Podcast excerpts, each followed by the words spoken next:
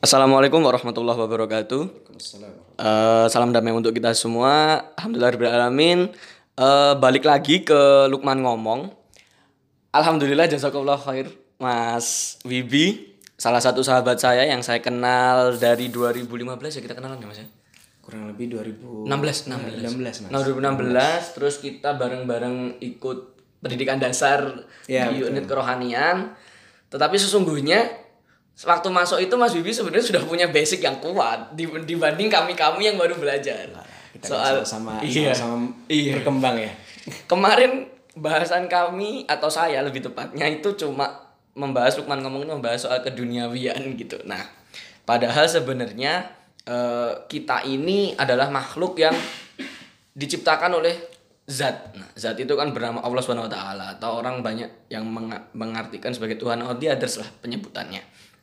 Nah, kita bahas eh kenapa akhirnya orang itu jadi berubah atau kenapa akhirnya orang itu kemudian menemukan jalan yang inilah jalan yang terang atau lebih tenang sekarang karena hal pertama yang jujur saja Mas Bibi yang saya temui ketika akhirnya saya mulai dekat dengan dengan itu adalah tenang ketenangan. Nah, mungkin kita bahas dari ini dulu kali ya. Dari eh, dari kenapa akhirnya orang lebih cenderung belajar agama. oh gitu ya? Heeh. oke. Ya saya mulai dulu dengan bagaimana para pendahulu kita mulainya. Bismillahirrahmanirrahim. Alhamdulillahirrahmanirrahim Wassalatu wassalamu ala rasulillah wa ala alihi wa ashabihi wa man tabi'ahum bi ihsan ila yaumil wa ba'du. Allahumma fa'na bima 'allamtana wa 'allimna ma yanfa'una wa zidna ilma. Allahumma inna nas'aluka ilman nafi'an wa rizqan thayyiban wa 'amalan taqabbala Nah, jadi Mas Lukman eh eh, kenapa ya terkadang orang itu ada dia menemukan suatu titik balik Mm, titik balik. ya titik balik orang seperti itu ya Benar, benar. itu mayoritas dari kita mengalaminya Ya. termasuk saya sendiri Oke. Mas Lukman mungkin tahu saya ketika saya sudah menemukan titik balik saya Betul. dan orang lain tahu saya Oke. mulai dari saya belum di titik balik saya sampai saya sudah di titik balik saya maka apa yang Mas Lukman katakan di awal tadi juga tidak sepenuhnya benar di mana Mas Lukman berkata bahwasannya saya punya dasar daripada yang lain itu saya tidak membenarkan Kan itu ya. orang, Mas. ya kan saya sendiri juga harus kualifikasi ya kan Betul. Tep, jadi kenapa sih kok tenang? Betul. ya kenapa sih kok tenang? Karena pertama Allah itu adalah Rabbul Alamin. Allah adalah Rabb yang mengatur segala sesuatu di muka bumi ini. Oke. maka kita aslinya itu diciptakan di atas fitrah sebagaimana yang Rasulullah SAW sabdakan. Apa itu fitrah? Fitrah itu ya sebagaimana yang maklum ya sebagaimana sudah diketahui kita bersama bahwa fitrah itu ya bagaimana dia dalam kondisi awalnya dia diciptakan Ya. maksudnya apa semua orang ketika diciptakan oleh Allah dia tahu bahwasannya dia punya Rob dia punya Tuhan dia punya Robbul Alamin namanya Allah. Dia tahu di mana Robnya. Bahkan masuk saya pernah dengar suatu penelitian ketika ditanyakan kepada anak-anak. Oke. Beberapa artis eh, melakukan penelitian ini dan anak-anak yang sebelumnya tidak pernah diajari sama sekali di mana keberadaan Robnya, di mana keberadaan Tuhannya, dia akan mengatakan di atas. Dan kita lihat semua orang mengatakan hal itu. Hmm. Hmm. Di mana kalau kita lihat orang berdoa, tangannya kadang-kadang ke atas Ya, menengah ke atas. dia lihat ke atas. Ya. Orang selalu mengatakan saya takut dengan yang di atas. Ya. Ya, ini fitrah namanya. Oke. ini fitrah. Nah, setiap orang itu diciptakan dengan fitrahnya dan dirusak oleh orang tuanya.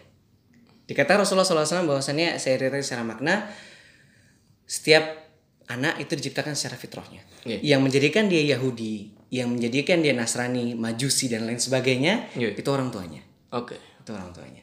Maka ketika kita kembali ke titik balik kita, Ah. ketika kembali kita, ketika kita kembali kepada Rob kita, Hmm. kita akan merasakan ketenangan. Kenapa? Karena itulah kita diciptakan. Karena dalam keadaan itu kita diciptakan. Sebenarnya gitu. Sebenarnya seperti itu. Ya. Hati kita itu akan selalu menolak ketika kita mengingkari hal itu. Oke. Saya juga saya ketika dulu belum di titik balik, Oke. ya hampa rasanya. Hmm. Tapi ketika saya sudah di titik balik ya saya menemukan bahwasannya ya ini tujuan saya diciptakan. Oke. Allah berfirman apa wa ma khalaqtul jinna wal insa illa liya'budun. Tidaklah kuciptakan jin dan manusia kecuali untuk beribadah kepadaku. Ini tujuan hidup kita. Maka itulah untuk itulah kita di diciptakan seperti itu. Oke. Nah, oke. Tapi Mas, alhamdulillah kita semua mungkin eh, mendapati orang tua yang tidak semuanya sama. Ya. Betul. Nah, kemudian bagi nih orang yang sedang lagi di persimpangan aja nih kita simpelnya kita nggak usah fokus ke yang tadi. Kita fokus ke bagaimana akhirnya nih sekarang lagi menemukan titik persimpangan itu. Agar mantap tuh Mas. Agar mantap bahwa jalan yang dia pilih adalah jalan ini gitu. Itu Mas Bibi dulu punya tips and trick nggak? Biar akhirnya tetap stay di jalan itu. Baik. Jadi eh, kalau berbicara dari masalah orang tua berbeda-beda ya kita katakan setiap orang tua tidak semuanya paham agama, Ji. tapi tidak juga semua orang tua tidak paham agama. Ji. Dulu eh, saya ceritakan sedikit orang tua saya eh, bukan orang tua yang paham di masalah agama, tapi eh, saya katakan cukup istiqomah dalam melakukan kewajiban-kewajiban dan ketaatan dalam agama, walaupun tidak terlalu paham. Tapi taat. itu. Tapi taat, tapi istiqomah seperti itu. Bapak saya yang awalnya bukan orang yang rajin ke masjid, Oke. bukan. Bapak saya bukan orang yang rajin ke masjid. Kemudian, eh, tapi bapak saya tetap sholat.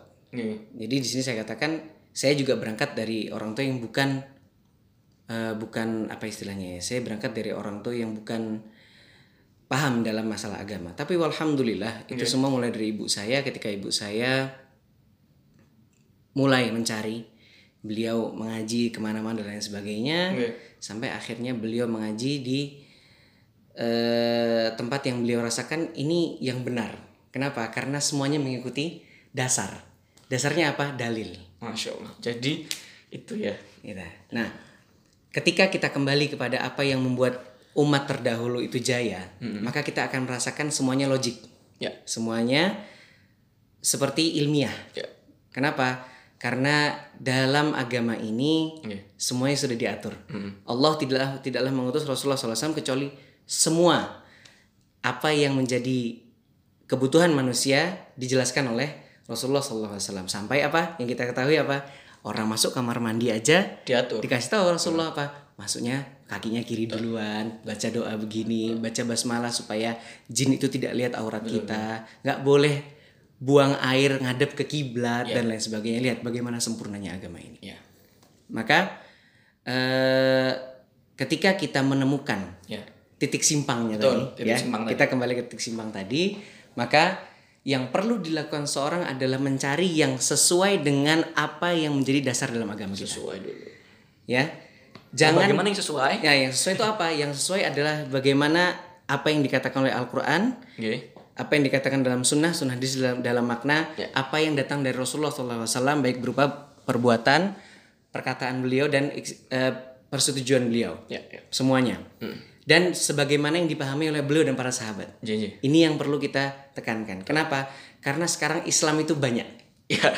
Ya, saya dalam tanda, tanda, Tanda kutip, kutip. Islam itu banyak Banyak, banyak. ya tapi ini juga sudah diprediksi Rasulullah SAW beliau eh, bersabda yang kita tahu bahwasannya Akan Islam akan pecah menjadi- menjadi 73 golongan. 72 di neraka. Di neraka ini jangan salah paham maksudnya bukan mereka kekal di neraka. Ini banyak yang salah paham di sini. Iya, iya. maksudnya mungkin di antara mereka ada yang mampir dulu dan lain sebagainya. Begitu penjelasannya pernah saya dengar. Kemudian yang satu ini yang masuk surga katanya seperti itu. Dan eh, semua orang mengaku yang satu. Masya Allah. ya?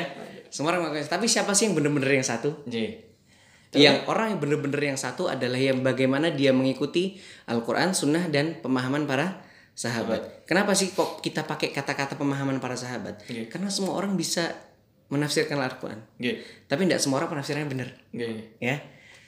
Ada yang mengatakan kita tahu di surah Al-Maun ada ayat Allah Taala berfirman, "Fawailul lil musallin." Celakalah bagi orang sholat. Maka ada orang muncul nanti mengatakan, oh nggak usah sholat, celaka kamu kalau sholat. Ini dia tafsiran lo bisa kan? Tapi bener nggak? Nggak benar. Makanya kenapa tadi kita katakan sesuai dengan Al-Quran Sunnah Ya. yang bagaimana para sahabat memahaminya. Oke. Ini yang perlu ditanamkan di anak-anak muda sekarang. Ilmiah. Agama itu ilmiah. Karena saya lihat anak-anak muda itu senang yang dasarnya ada, Iya. kemudian senang yang oh ini kita tahu dari kitab-kitab di sini kita tahu bahwasannya ini ada dasarnya, ada dalilnya, ada ilmiah dan lain sebagainya. Maka bagi anak-anak muda yang sekarang lagi di simpangan ya cari yang benar. Cari yang benar gimana caranya? Sesuaikan Al-Qur'an katakan demikian, sunnah katakan demikian, sahabat memahami demikian, ikuti. Biar orang nggak ada yang ngikutin. Ya. Nah, Oke.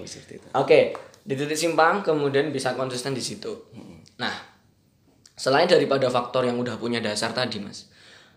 Bagi saya jujur aja ya, lingkungan sangat berpengaruh.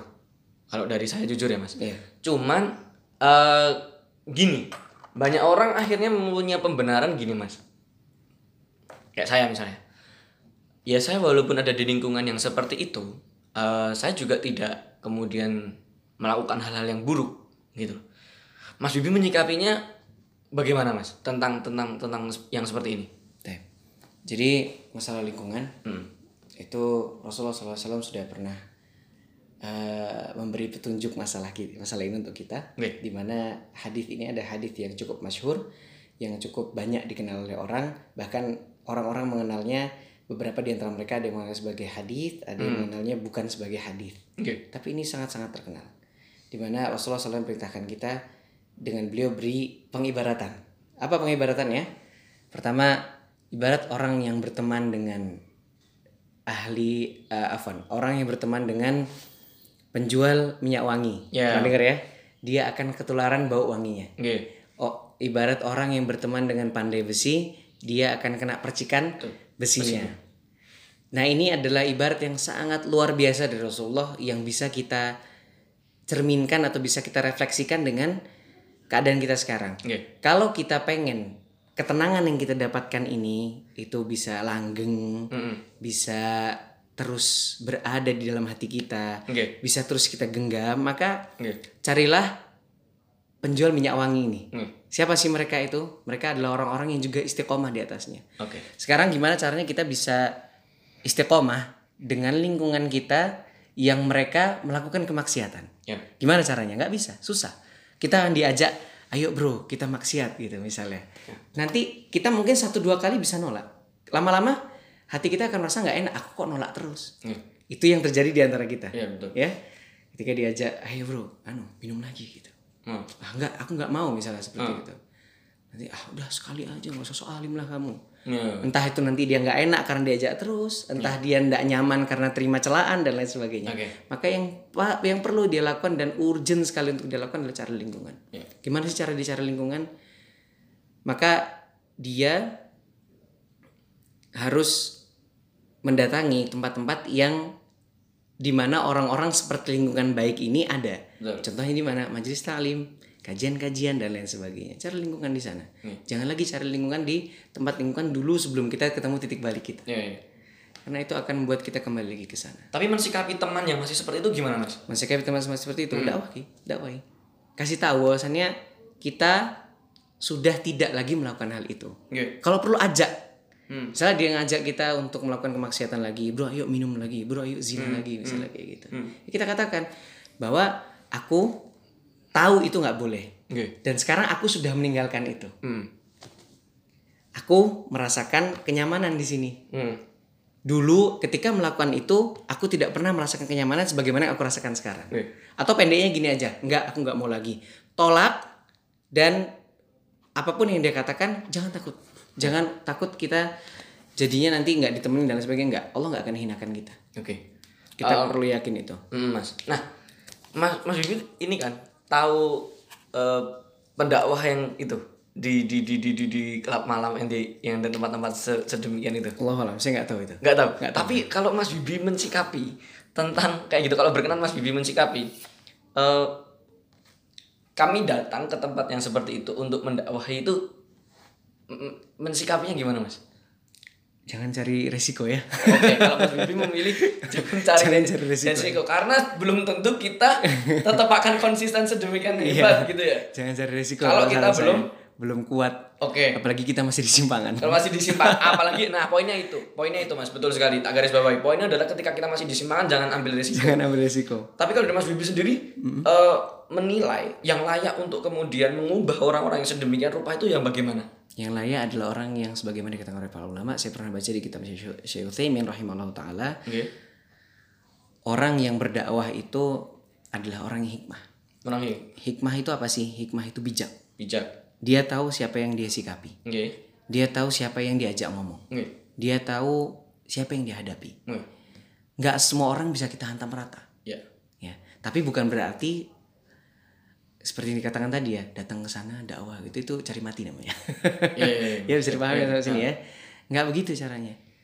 Kita bisa melakukan yang ini kita namakan dengan amar ma'ruf nahi mungkar itu di pada kondisi-kondisi tertentu.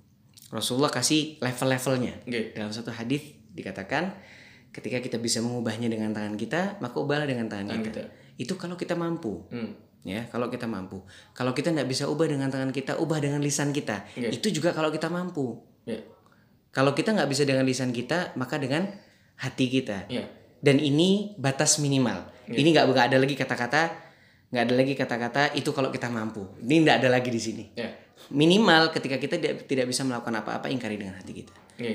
Ya, Dan mampu itu kembali ke kita kan Mas yang mampu paham? itu kembali ke kita yang paham dan mampu juga kembali kepada para ulama yang paham. Oke.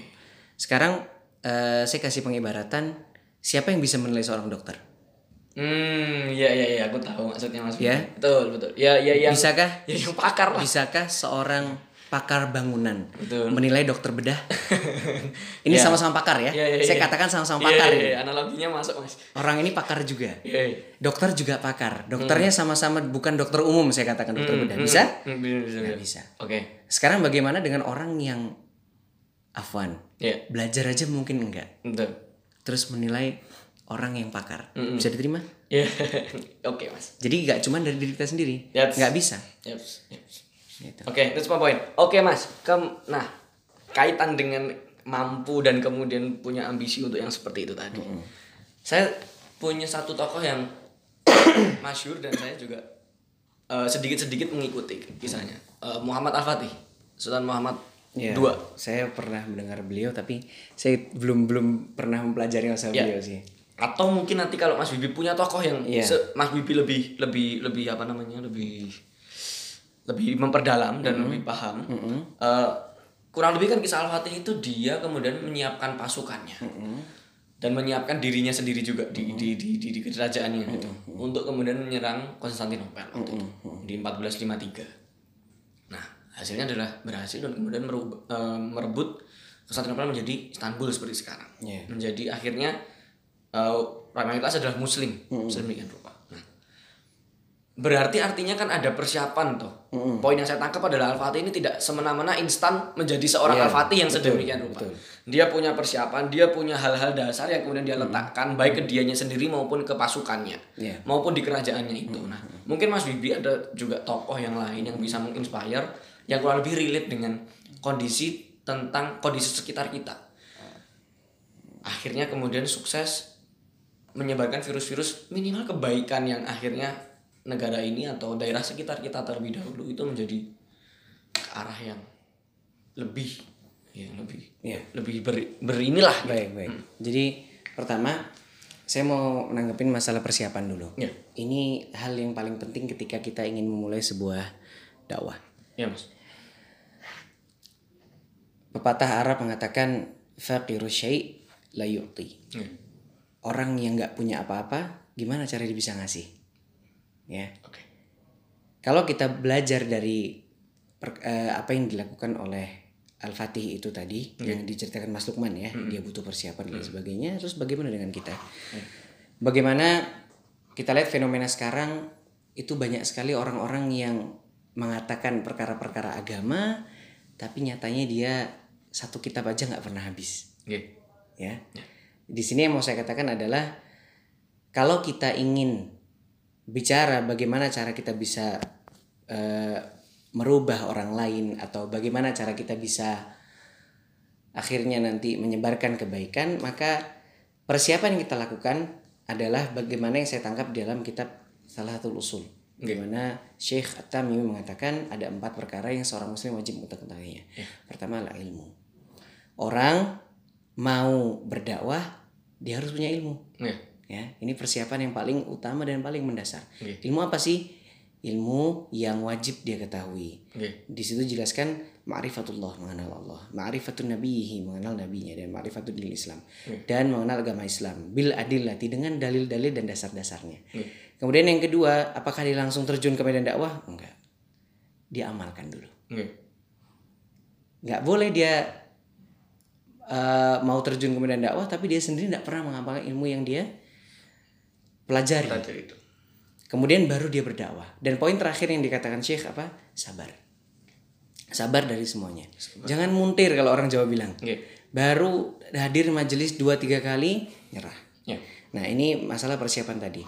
Untuk masalah tokoh yang ditanyakan tadi, maka banyak di antara para ulama itu yang yang memang dia apa ya? Yang memang dia orangnya seperti yang dikatakan tadi hikmah. Kemudian akhirnya dia tidak hanya mem- memperbaiki dirinya sendiri, tapi juga memperbaiki orang lain. Oke. Saya bercontoh dengan salah satu fitnah yang paling besar yang ada untuk laki-laki. Apa itu? Wanita. wanita. Jika dikisahkan ada seorang syekh, seorang qadhi, qadhi itu hakim. Kalau saya tidak salah dia seorang qadhi. Eh, orang ini alim, orang ini sangat luar biasa. Yang ya kalau kita lihat kayaknya tidak mudah tergoda dengan wanita. Oke. Suatu ketika ada seorang wanita yang sangat cantik, yang eh, dia sudah punya suami. Ya. Mereka ya punya sifat-sifat yang agak-agak sama lah gitu. ya. Hmm. Nah, eh, wanita ini mengatakan aku punya wajah yang cantik kata dia. Hmm. Siapa yang tidak tergoda dengan kecantikanku? Hmm. Dia bilang seperti itu. Suaminya bilang, Syekh ini dia bilang. Hmm. Coba kamu goda dia, berhasil enggak kamu katanya gitu. Terus? Terus dia minta izin sama suaminya. Hmm. Suaminya ngasih izin. Nah ini agak-agak ya. Agak-agak ini ya. ya agak-agak ya. Kemudian eh, setelah dikasih izin, pada saat itu Syekh ini adalah seorang yang pemberi fatwa juga sehingga kalau ada orang yang memberi fatwa itu dia boleh dia boleh ditanyai dengan personal karena ada pertanyaan-pertanyaan yang personal yang itu nggak bisa ditanyakan di halayak umum gitu ya. Kemudian perempuan ini meminta untuk bertanya. Hmm. Ma- Maka minggir tapi ini nggak nggak nggak berdoa mutlak ya. Hmm. Mereka minggir karena perempuan ini butuh personal pertanyaannya katanya Ya. seperti itu. Ya. Dengan niatan tadi. Dengan niatan tadi. Terus ini lagi musim kalau saya tidak salah itu musim haji. waktu itu. Nah, musim haji eh, orang lagi ramai tapi mereka minggir sedikit supaya orang nggak dengar pertanyaannya Betul. Jadi seperti itu. Tanyakanlah. Tanyakan. Dia nggak bertanya, Tapi tapi di- ketika dia eh, ketika dia sudah di hadapan syekh tersebut dia singkap cadarnya. Hmm. Sampai syekh itu bilang apa? Perempuan ini seakan-akan sampai setengahnya rembulan. Saking cantiknya.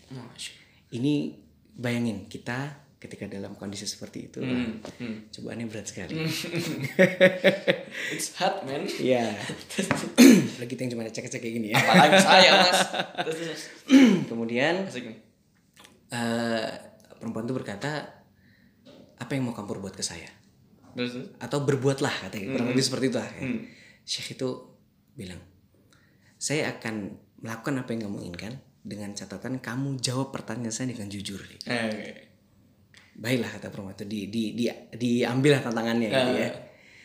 Kemudian perempuan itu eh kemudian Syekh bertanya, jika sekarang kita katakan Allah melihat kita, apakah kamu suka Allah melihat kita dalam keadaan bermaksiat? Perempuan itu jawab enggak. Enggak. Syekh bilang, oke kamu sudah jujur. Hmm.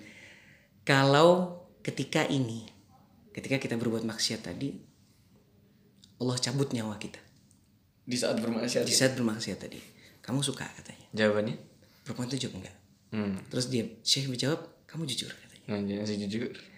Kalau tidak salah ada pertanyaan yang lain Syekh berkat- berkata, "Eh, kalau kita diseret ke neraka karena perbuatan kita, Hmm. Kamu suka katanya. Hmm. Dia bilang enggak, Hmm. batal. Dan apa? Perempuan itu pulang ke rumah Hah?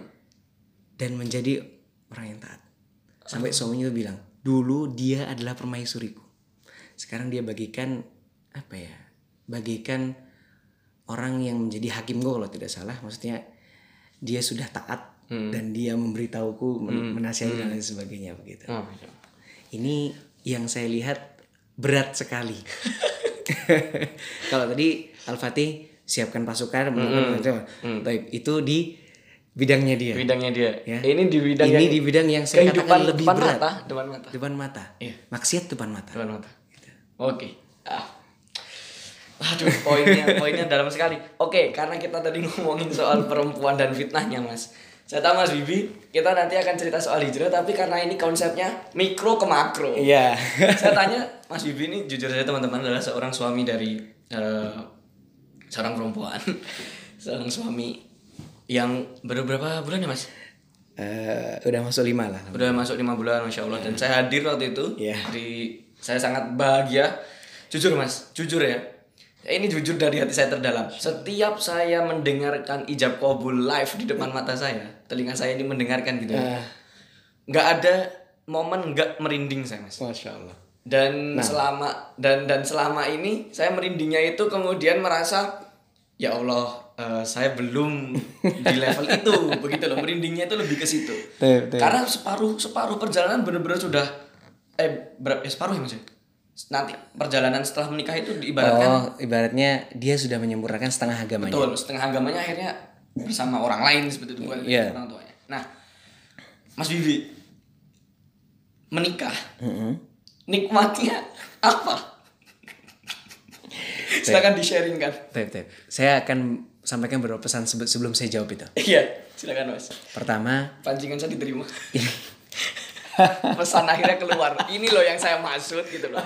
Ternyata Mas Bibi masih satu frekuensi dengan saya, walaupun lama gak ketemu. Tep. Jadi pesan pertama saya ini adalah penyakit yang sangat banyak menjangkit orang yang baru hijrah.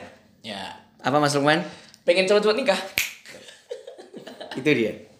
Penyakit pengen nikah. Kita katakan itu bagus. Iya. Itu bagus. bener. Bener. Tapi butuh ilmu. Nah rata-rata yang ngomong itu. ya itu susah gitu Mas Lukman ya. Tapi jangan salah, Oke. saya juga terjangkit itu dulu. Oke. Saya juga ikut terjangkit. Saya Ya. kalau saya tidak salah, saya kalau saya boleh sedikit sharing, saya baru mungkin sepekan apa dua pekan saya hijrah, saya minta nikah. Nah, dengan bisa di-sharing habis itu. Bagaimana cara mengatasi itu? Nah, jadi pertama ketahuilah jangan sampai hijrah kita cuma pindah genre, Oke. ya.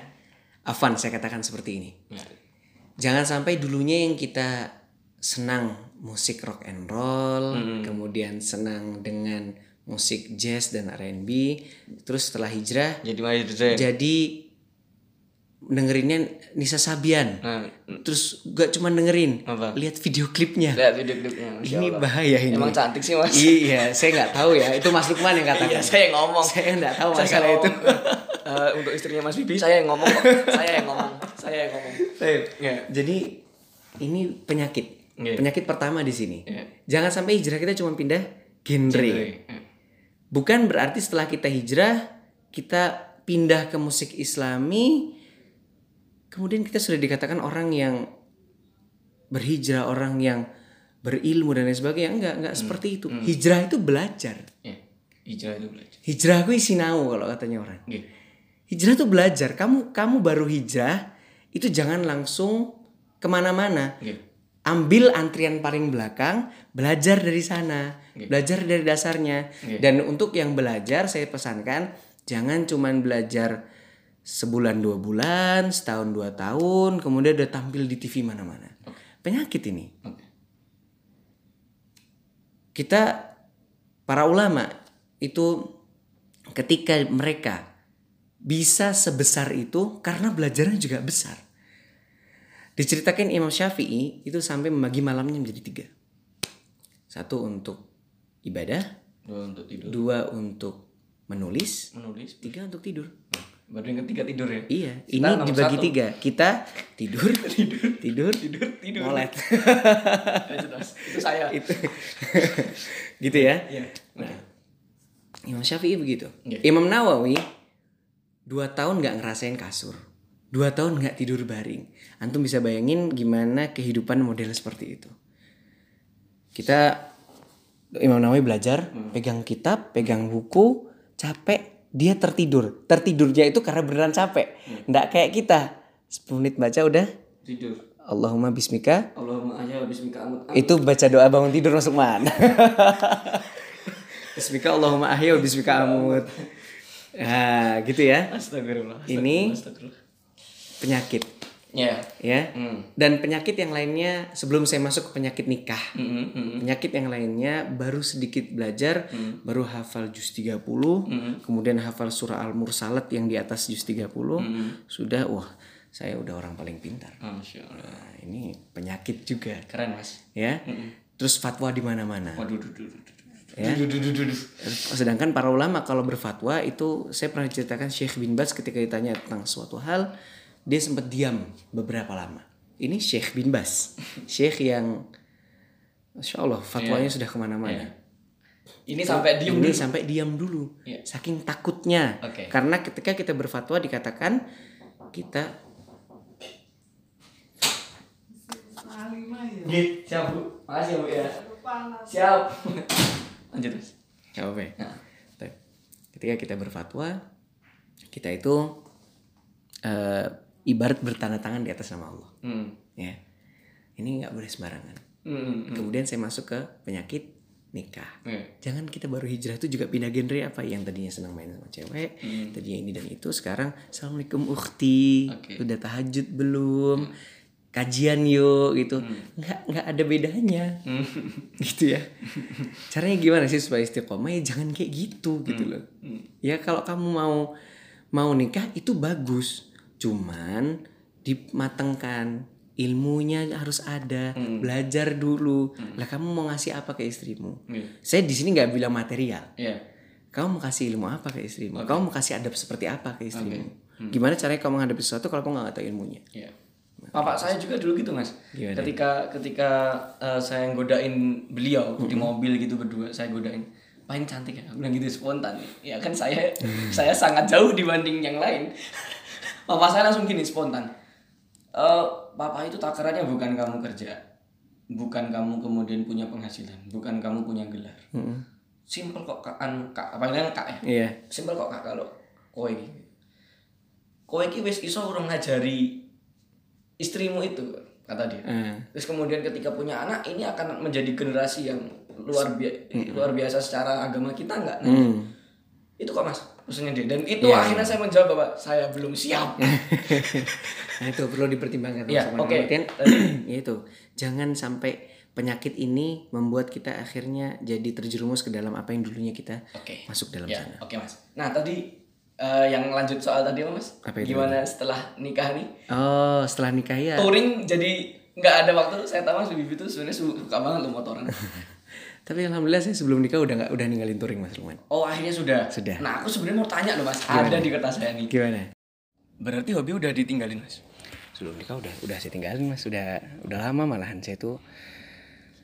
Saya hijrah itu sekitar dua tahun yang lalu. Heeh. Hobi itu saya tinggalkan sekitar satu tahun yang lalu lah. Tapi bukannya ini, Mas, ada bikers bikers hijrah, hijrah kayak gitu. Iya saya tahu. Tapi Tapi eh apa istilahnya? Orientasinya saya udah beda. udah beda. Tujuan saya sudah beda. Betul. Saya saya di sini bukan mengatakan orang hijrah harus meninggalkan hobinya enggak. Oke. Cuman Poinnya saya sendiri yang Nah, meninggalkan kembali itu. ke personnya. Mm-mm. Oke.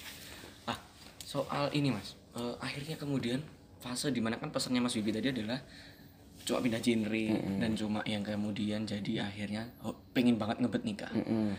Di titik mana akhirnya Mas Bibi bilang bahwa oke, I'm ready to married gitu. Di titik mana? Nah, di titik mana yang kemudian aku oh, oke mantep, Kalau kalau saya kemarin bukan di titik mana saya siap, tapi tapi di titik mana saya butuh. butuh Butuh. titik mana butuh. Di titik mana saya butuh. Nah butuh ini kan Pak luas ya. Karena begini Mas Lukman, saya ceritakan sedikit Iya. bahwa ketika saya menikah, konsekuensi yang saya, saya yang harus saya terima, Mm-mm. waktu saya akan berkurang. Oke, Dan itu harus disadari semua orang. oke, Kamu ketika menikah, apa yang kamu lakukan sekarang ketika kamu jomblo nggak akan bisa kamu lakukan nanti ketika kamu menikah. Contoh, saya dulu sering ke kos teman saya misalnya. Iya. Sekarang saya udah jarang ke sana. udah jarang ketemu Mas Udah juga. jarang. Ah, saya udah jarang ketemu Mas juga. Ah, ah. Saya dulu ketika sebelum nikah, saya bisa mendatangi kajian yang lebih banyak daripada sekarang. Sekarang saya udah nggak bisa lagi. Saya harus memikirkan waktu saya untuk istri. Mm-mm. Ya. Oke. Dulu sebelum menikah, saya bisa memanfaatkan mayoritas dari waktu saya untuk membaca, misal juga menghafal dan lain sebagainya. Iya. Sekarang nggak bisa. Saya harus mikirkan istri saya. Bahkan saya harus menggerus waktu yang lain. Yap, yap. Gitu. Nah ini yang dipertimbangkan, yang perlu dipertimbangkan karena dulu saya yaki- saya akui saya ngebet. Oke. Tapi di, ketika satu titik saya membaca sebuah buku yang ditulis oleh Syekh Utsaimin rahimahullah taala, judulnya Kitabul Ilmi. Ah. Kitab ini berisi tentang motivasi menuntut ilmu Oke. dan adab-adab dalam menuntut ilmu. Oke. Sejak saat itu eh, ngebet-ngebet saya yang lain itu saya tinggalkan. Oke. Ngebet saya adalah bagaimana saya bisa belajar. Oke. Masya Ah, Mas, tadi agak agak agak agak agak throwback lagi ya, maaf. Kita agak loncat ke belakang lagi. nggak apa-apa. Kenapa akhirnya Mas Yudi itu proses hijrah tuh sharing dulu? Mm-mm. Dulu dulu poin di, dulu ke mana? Gimana sih Mas? Segamang apa atau se, se- kemudian se, se, se- di titik apa sih gitu? saya titik baliknya saya gitu maksudnya titik oh gitu maksud- jadi dulu saya ceritakan sedikit saya kalau orang tahu dan alhamdulillah Allah tutupi semuanya Oke. Insya Allah ini saya saya saya sangat bersyukur sama Allah Allah tutupi semuanya Ya. orang yang sekarang kenal saya Mm-mm. mayoritas di antara mereka nggak tahu saya yang dulu mayoritas di antara mereka nggak tahu saya yang dulu. Ya. alhamdulillah itu itu nikmat yang sangat besar dari Allah. Ya. Eh, dulu saya saya katakan saya cukup rusak. Tapi saya nggak saya pokoknya saya katakan saya cukup rusak Iya. gitu ya. Dan alhamdulillah eh tapi rusaknya saya nggak nggak parah-parah banget sih sebenarnya. Cuman saya alhamdulillah nggak pernah ngerokok Iya. nggak pernah minum minuman dan lain sebagainya tidak saya tidak seperti itu cuman saya katakan saya rusak secara agama saya tidak banyak menjalankan kewajiban dan tidak dan tidak juga sedikit ha- keharaman yang saya terjang Kayak saya sekarang lah ya Mas ya. Allah alam. Allah alam saya katakan. Allah Lanjut, alam. Baik. Kemudian em, ada suatu titik di mana saya jenuh. Jenuh. Jenuh masuk mas. Saya katakan saya jenuh. Saya akui semua yang saya lakukan dari keharaman-keharaman yang saya terjang. Oke. Saya tidak pernah menghalalkan itu. Oke. Saya katakan apa? Saya tidak pernah sama sekali menghalalkan itu. Ya. Saya tahu ini haram, Mm-mm. tapi cuman saya nggak bisa ninggalin. Oke. saya tahu keharaman ini, saya tahu keharaman ini, saya tahu keharaman ini, tapi saya nggak ninggalin. Iya. Dan da- saya dari dulu alhamdulillah itu tahu mana yang mana yang ini merupakan suatu hal yang eh, bisa untuk saya terima ilmunya. Maksudnya saya katakan dalam dalam hal ilmu, saya tahu mana ustadz yang saya percayai saya bisa katakan ini ilmu bisa saya ambil, saya mana yang saya tidak bisa ambil. Cuman dari diri saya sendiri yang nggak mau. Iya. Nah, di suatu titik balik, saya katakan saya harus berhenti. Aku nggak boleh gini terus. Ya. Aku nggak boleh. Aku tahu ini haram. Aku nggak boleh kayak gini gitu loh. Iya. Dan saya capek. Saya capek. Jujur dalam hati saya capek. Akhirnya waktu saya inget banget liburan semester 3 Afwan, liburan semester 2 Di sini. di sini di KPN liburan semester 2 saya pulang ke Samarinda. Sebelum pulang malamnya saya niatkan apa? Saya harus bawa mushaf Quran. Saya harus baca itu. Hmm. saya harus baca Quran. Dan alhamdulillah masuk man masya Allah ini adalah salah satu nikmat Allah yang lain yang saya rasakan besar. Iya. saya di SD dulu sudah bisa baca Quran. Dari SD saya hafal dari Anas sampai Al-Duha. Itu tidak pernah hilang sampai saya hijrah. Nggak nggak hilang. nggak. Se senakal nakalnya saya seanonia saya hafalan itu nggak hilang. Nggak Allah tarik masya Allah. Iya. dan saya setelah hijrah itu alhamdulillah dengan kemudahan yang Allah berikan nggak banyak yang saya kejar. Iya. gitu. maka saya katakan diri saya sendiri saya harus berhenti. Mm-mm. saya pengen bawa ini mushaf. Kebetulan ketinggalan Masya. Ketinggalan. saya sampai di bandar saya baru ngecek nggak bawa Musyafnya ketinggalan. ketinggalan mushaf itu Terus di Samarinda. tapi saya ingat sampai saya ingat di mana terakhir saya ngaji Hmm. Nah sampai dia sampai saya ke Samarinda, saya cari mushaf di Samarinda. Saya punya ibu saya, Iya. saya baca, saya baca, saya azamkan ke diri saya sendiri, saya janjikan atau saya tekadkan ke diri saya sendiri bahwa saya setiap habis sholat harus baca dua muka. Hmm. Harus baca dua muka Quran Ya. Ya. alhamdulillah itu terus saya lakukan kemudian saya tambah dengan amal-amal sunnah yang lain dan titik balik saya di situ tadi saya jenuh, Jenuh. saya lelah capek rasanya Ya. hampa Ya. gitu Oke. Hampa terus akhirnya kemudian baca mushaf Mm-mm. lebih tenang atau Wuh, itu sangat sangat banyak sekali perbedaan yang saya rasakan. Ya. Jadi setelah saya mulai rutin dengan hal-hal yang wajib, misalnya sholat lima waktu saya lakukan. Hmm.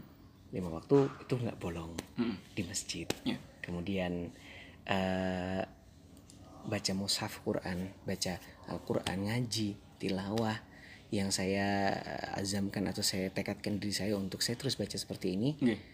itu perubahan yang sangat saya saya rasakan sangat besar Candu. di nyandunya sangat besar sangat luar biasa sehingga hati saya itu pengennya ke sana terus Oke. dan alhamdulillah sampai sekarang seperti itu hati saya Allah tanamkan itu dalam hati saya Ya. dan itulah yang dikatakan- kita katakan yang Allah katakan Al-Quran ini adalah obat. Masya Allah. baik untuk badan Sifat. baik untuk ha- hati. hati, Ya. Oke mas. Nah, eh, Mas Bibi alhamdulillah SD sudah hafal Anas sampai Duha. Mm-mm. Saya tuh baru bisa Al-Quran 5 atau 6 SD. Baru bisa baca Al-Quran. Nah, itu kan saya. Tapi ternyata di luar sana saya punya temen yang Mm-mm.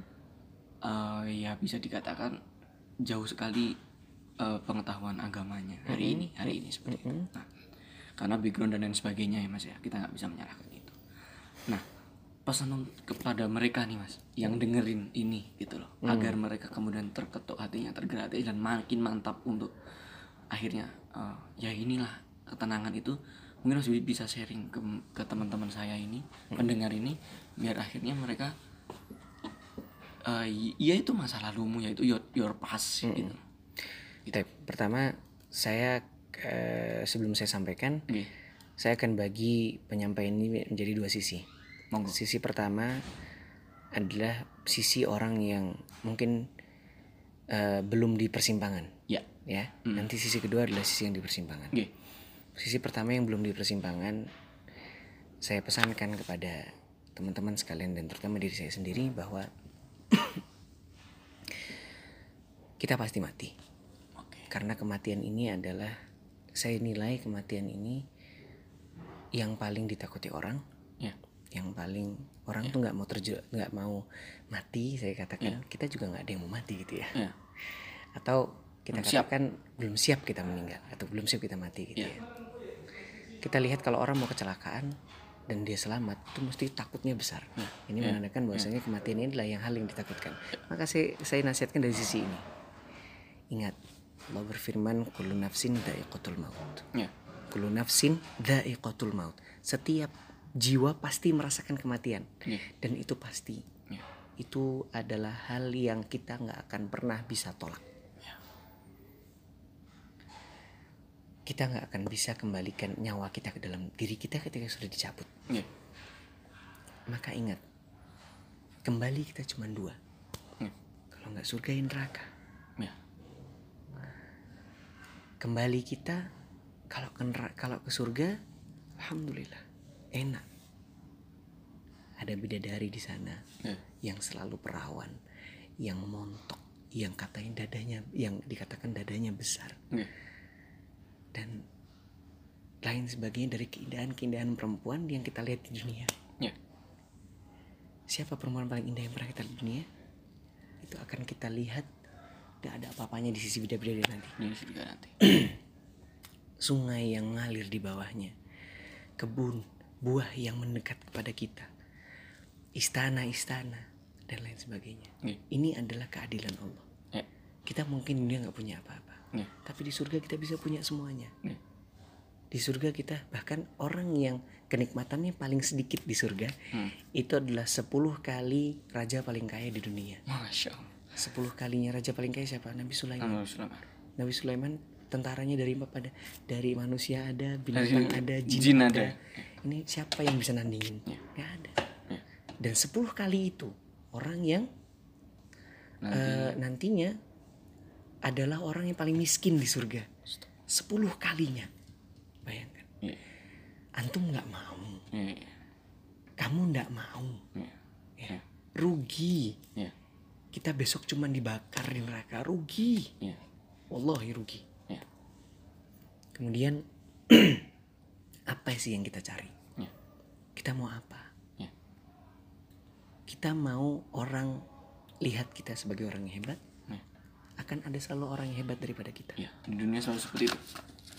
kita mau li orang lihat kita sebagai orang yang kaya akan ada orang lebih kaya dari kita kamu bisa nandingin kayak Nabi Sulaiman bisa ada yang bisa. apa yang kamu kejar Ya. maka ingat Allah sampai sekarang masih kasih kita nafas Ya. kasih kita makanan Ya. kasih kita hati Ya. minta hidayah sama Allah Ya. jujur sama Allah Oke. Ini dari sisi pertama Dari sisi yang belum dipersimbangkan. belum dipersimpangkan dari sisi yang sudah dipersimpangkan Yang dari persimpangan sekarang?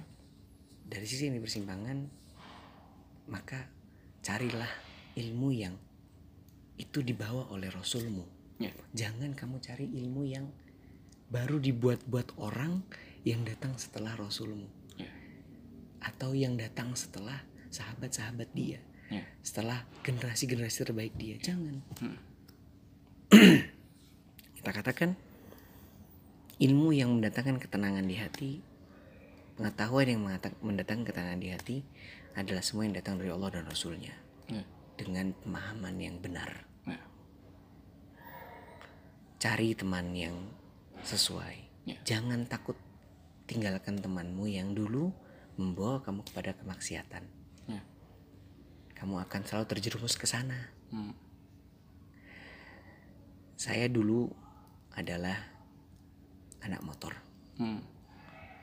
dan alhamdulillah geng motor saya tidak parah tidak nakal maksud saya ya tapi tetap kita harus mencari lingkungan yang baik Ya. saya tidak katakan teman-teman saya dulu buruk saya tidak katakan demikian Ya. tapi kita akan ha- harus mencari teman-teman yang satu jalan dengan kita Ya. kita ingin taat cari teman yang taat Hmm. Hmm. kita ingin pinter cari teman yang pinter Hmm. Kita pengen kaya cari teman yang kaya kan gitu Hmm. Hmm. ya sama kita pengen istiqomah cari yang istiqomah kemudian bertakwa sama Allah ini untuk semuanya Ya. bertakwalah sama Allah ingat Allah melihat kita dalam setiap apa yang kita lakukan Ya. Allah dengar setiap yang kita katakan Allah tahu apa yang ada dalam diri kita kita mau ke mana Ya. kita mau ke mana sekarang Oke. Allah tahu semuanya Ya. Allah dengar semuanya Allah lihat semuanya Ya. dan Allah berfirman di surah Az-Zumar ayat 53 Hmm. Ya ayyuhalladzina ya eh, qul ya ibadiyalladzina asrafu ala anfusihim la taqnatu min rahmatillah. Lihat kita yang banyak berbuat dosa, banyak berbuat maksiat. Allah panggil kita dengan gelar yang sangat luar biasa. Allah panggil kita dengan dengan gelar hambaku kata Allah. Mas. Ini setelah kita melakukan semua dosa-dosa yang dia larang. Hmm. Allah panggil apa? Wahai hamba-hambaku kata Allah. Hmm. Jangan putus asa dari rahmat Allah. Jangan pernah kita katakan dosaku sudah terlalu besar, nggak mau tobat. Nggak, nggak seperti itu. Allah itu punya nama Al-Ghafur yang Maha Pengampun. Allah pasti terima tobat kita kalau syaratnya dipenuhi. Ya. Syarat tobat menyesal, tinggalkan, tekad untuk tidak mengulangi. Ya. Terus kalau mengulangi gimana? Tobat lagi. Ya. Ngulangi lagi gimana? Tobat lagi. Tapi jangan dimudah-mudahkan Ya. bukan berarti makanya saya katakan di akhir tadi apa Eh, dikatakan di akhir tadi tekad untuk tidak melakukan tekad itu apa ketika kita tutup semua jalannya ternyata kita terjerumus ke sana lagi ya sudah tobat lagi tutup lagi semuanya Ya. gitu dan ingat pesan saya yang pertama tadi kita mau ke mana Ya. kembali kita cuma dua surga atau neraka Ya. itu aja Oke. Eh, tibalah di di di di di, di persimpangan nih mau selesai atau enggak gitu ya. Bercanda saya. Wah Ya ini mungkin sebelum saya tutup Mas Bibi ada yang ingin disampaikan. Eh, Ada hal-hal yang tadi belum sempat tersampaikan mungkin. Baik. Bisa, silahkan. sedikit aja pertama Banyak nggak apa-apa Mas? Oh gitu ya Banyak aja saya ubah bahasanya ya Rasulullah SAW bersabda Ittaqillaha haithuma kunta wa atbi'i sayyatal hasanata tamhuha wa khaliqina eh, wa khaliqina sabi khuluqin hasan Bertakwalah kalian kepada Allah di mana pun kalian berada Takwa ini artinya kita merasa diawasi Allah Ya. Kita merasa bahwasannya Antara kita dengan kemaksiatan Ada dinding yang menghalangi kita Ya. dinding itu berupa kemurkanya Allah. Iya. Kemudian eh iringilah kejelekan dengan perbuatan yang baik. Iya. Dan ini bisa menghapuskan dosa kita. Iya. Kemudian pergaulilah manusia dengan akhlak yang baik. Hadisnya berkata seperti itu. Kemudian saya juga ingin men- mengutip hadis eh, yang diriwayatkan oleh Muslim. Allah berfirman, "Ya ibadi, wahai hamba-hambaku," kata Allah, "Wahai hambaku, kullukum dolun ilaman hadaituhu." Semua kalian adalah sesat kecuali orang yang beri, aku beri hidayah. Fastahduni ahdikum. Mintalah hidayah kepadaku, aku akan beri hidayah kepada kalian. Allah berfi- uh, kemudian lanjutannya, ya ibadi kullukum ja'iun ilaman ata'amtuhu. Wahai hamba-hambaku, kalian semua itu lapar kecuali yang aku beri makan. Iya. Maka mintalah makan kepadaku fastata'imuni ata'imkum. Maka mintalah makan kepadaku, aku akan beri makan kalian. Iya. Kemudian Allah berfir- eh, kemudian lanjutannya ya ibadi kullukum arin ilaman kasautuhu. Kalian semua itu telanjang kata Allah. Mm. Kecuali yang aku kasih pakaian kepada dia. Fastaksuni aksukum. Maka mintalah pakaian kepadaku dan aku akan memberikan pakaian kepada kalian. Iya. Lihat. Eh, Allah yang berkuasa atas kita. Kita nggak akan pernah bisa berkuasa atas diri kita sendiri. Kita punya pilihan sekarang. Mau melakukan ketaatan atau melakukan kemaksiatan. Kita Iya. punya pilihan seperti itu. Ingat, kita diciptakan dunia itu untuk tujuan beribadah kepada Allah. Iya. Kita akan mati, kita akan masuk, kita akan punya ending surga atau neraka. Kamu nggak mau apa lihat bertemu dengan dengan zat yang selama ini kasih kamu makan. Iya. Kamu nggak mau ketemu sama zat yang selama ini kasih kamu nafas. Iya. Di surga kita akan ketemu sama Allah. Kita akan lihat wajah Allah dan itu adalah kenikmatan yang tidak ada kenikmatan yang bisa mengalahkan itu Iya. dari kenikmatan kenikmatan surga yang lain. Bayangkan kenikmatan surga itu sudah sangat nikmat. Lihat wajah Allah itu lebih nikmat. Ya.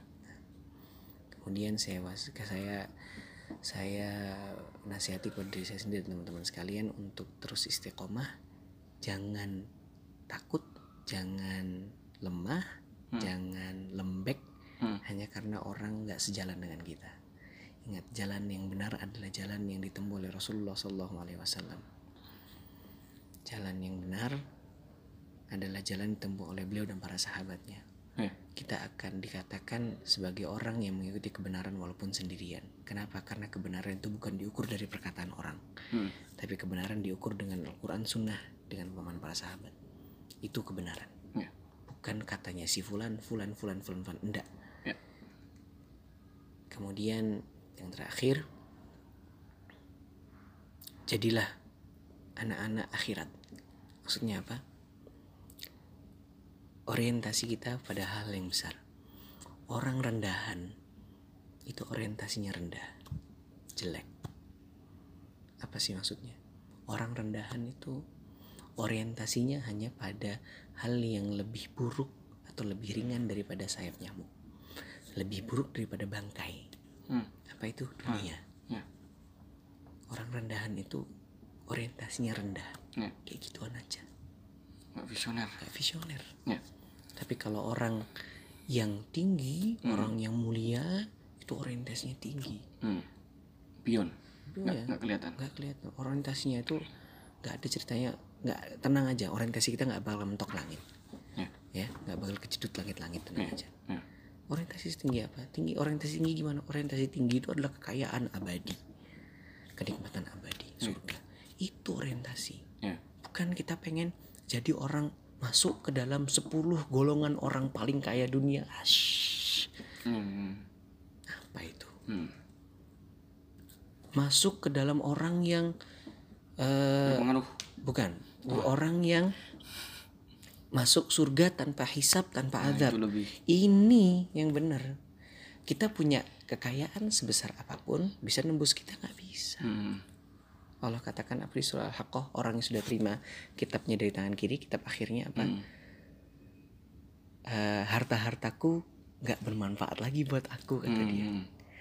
kekuasaanku nggak manfaat lagi buat aku Iya. kemudian di lanjutan ayat katakan apa Allah perintahkan kepada para malaikat untuk ikat dia dengan rantai yang panjangnya 70 hasta ikat dia sampai ke lehernya tarik dia seret dia ke neraka. ini orang paling kaya yang nggak pernah beribadah kepada Allah Astagfirullah. nah Alhamdulillah. dzalik. Semoga kita nggak ter. Hmm, maka pesan saya dan ini untuk saya sendiri terutama Hmm. jangan malu, jangan takut punya orientasi tinggi. Jangan pernah katakan Allah itu nggak ampuni aku. Iya. Jangan pernah katakan Allah itu nggak kasih aku hidayah. Hmm. Jangan katakan Allah tidak adil. Enggak. Iya. Allah lebih sayang kepada kita dan sayangnya Allah itu melebihi kasih sayang ibu kita kepada kita. Iya. Cukup insya Allah. Masya Allah. Aduh. Eh, pertemuan yang akhirnya lama lagi setelah sebelumnya cuma ketemu di musola atau di persimpangan jalan dan jualan na- nasi tapi nasinya habis hari. Telat sih. Telat saya Kalau kalau mau pesan tuh cepat makanya. Oh iya, buku masih jualan Mas? Masih. Di at apa? Biar nanti teman-teman juga tahu kalau Mas Wibi jual buku. Eh, hubungin aja 0812 5375 9968. Oke, Saya nanti udah nggak pakai Instagram lagi soalnya. Instagram juga udah nggak ada ya Mas ya? Saya nggak pakai. Oke. Jadi ini bukan berarti orang hijrah tuh langsung nggak gaul ya. Enggak, ini saya yang pengen. Karena aku juga sempet loh Mas matiin Instagram dua minggu. Nah, Ini serius juga. ini saya yang pengen. Bukan berarti orang hijrah itu langsung nggak gaul. Iya, jangan di jangan di Jangan dikonotasikan kayak gitu ya. betul, Ini betul. saya yang pengen Iya, gitu. iya, iya. itu itu kan itu kembali ke pilihan pribadi-pribadi. Jadi nanti bisa DM saya kalau mau beli bukunya dia. Mm, boleh nanti tak, nanti tak forward nomornya Mas Bibi. Sama terakhir Mas, saya tuh tertarik sama meme itu loh. Tadi Mas Bibi menceritakan itu ternyata ada visualnya. Saya dua hari itu atau tiga hari yang kemarin, saya lihat meme apa orang habis dikubur gitu analoginya amal apa namanya tuh eh, harta Oh iya, keluarganya semua. meninggalkan semua amalnya yang cuma nemenin sendirian gitu. Nah itu kan sebenarnya eh, pengingat kita gitu loh. Jadi eh, hindarilah kita melakukan pembenaran bahwa kita ini tidak disayang oleh Allah terus dan sebagainya. Kita semua adalah zat yang selalu diberi kesempatan untuk berubah hijrah atau diam dan diampuni insya Allah Asal kita mau. asal kita mau dan kemudian memenuhi syarat tadi kan Iya, syarat tobat ya, bukan bukan kita memenuhi syarat diberi hidayah, bukan. Saya tidak mengatakan itu. Ah. Yang saya yang kita eh, syaratkan tadi adalah syarat tobat kita. Hmm. Ketika syarat tobat kita terpenuhi, maka Allah pasti terima tobat kita. Iya. Allah pasti terima. Masya Allah, Masya Allah. Sama ini juga mas, apa namanya? Hijrah tuh everywhere. Eh kok hijrah? Hidayah tuh everywhere mas. Iya. Di semua di semua kamu itu ketemu hidayah setiap setiap Iya, saat. Mas Lukman, sekarang itu dengan modal dua jempol kita udah ketemu apa aja. Betul betul. Jadi Antum tinggal cari di YouTube misalnya Hmm, eh, bagaimana cara hijrah step by step Iya, hijrah dan lain sebagainya ada. ya. Jadi nggak ada alasan. nggak ada alasan sudah ini kita tuh udah udah keluar dari uzur Ya, ya. udah keluar dari uzur kita Iya.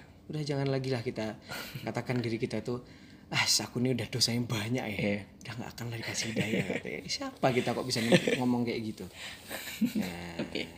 apalagi kita ngomong wah nakal dia itu nggak dapat hidayah dia itu Iya. nah itu fatal itu Jazakallah khair Mas Bibi. Nah, Barakallah juga untuk Mas Bibi keluarga kecilnya Iya, dan, iya, dan iya, iya, istrinya. iya, iya, Eh, minta doanya Mas Bibi agar saya juga tetap di jalan yang istiqomah dan kemudian tetap memperbaiki diri setiap harinya dan setiap saatnya. iya Dan ketika saatnya nanti saya akan undang Mas Bibi. iya iya iya iya. saya tunggu loh Mas Uman Tapi nggak cepet kok Mas. Ah, nggak apa Tidak dalam waktu dekat. ingat Mas Uman kemarin saya pernah ngomong sama Mas Uman Gimana, apa? gimana, gimana? tampan itu Itu apa sudah punya istri Iya. Makasih loh Mas. Makasih menampar saya. Tampan adalah yang sudah punya istri teman-teman. tampan tuh udah laku Mas Uman Nah, cantik juga kalau yang udah punya suami. Iya.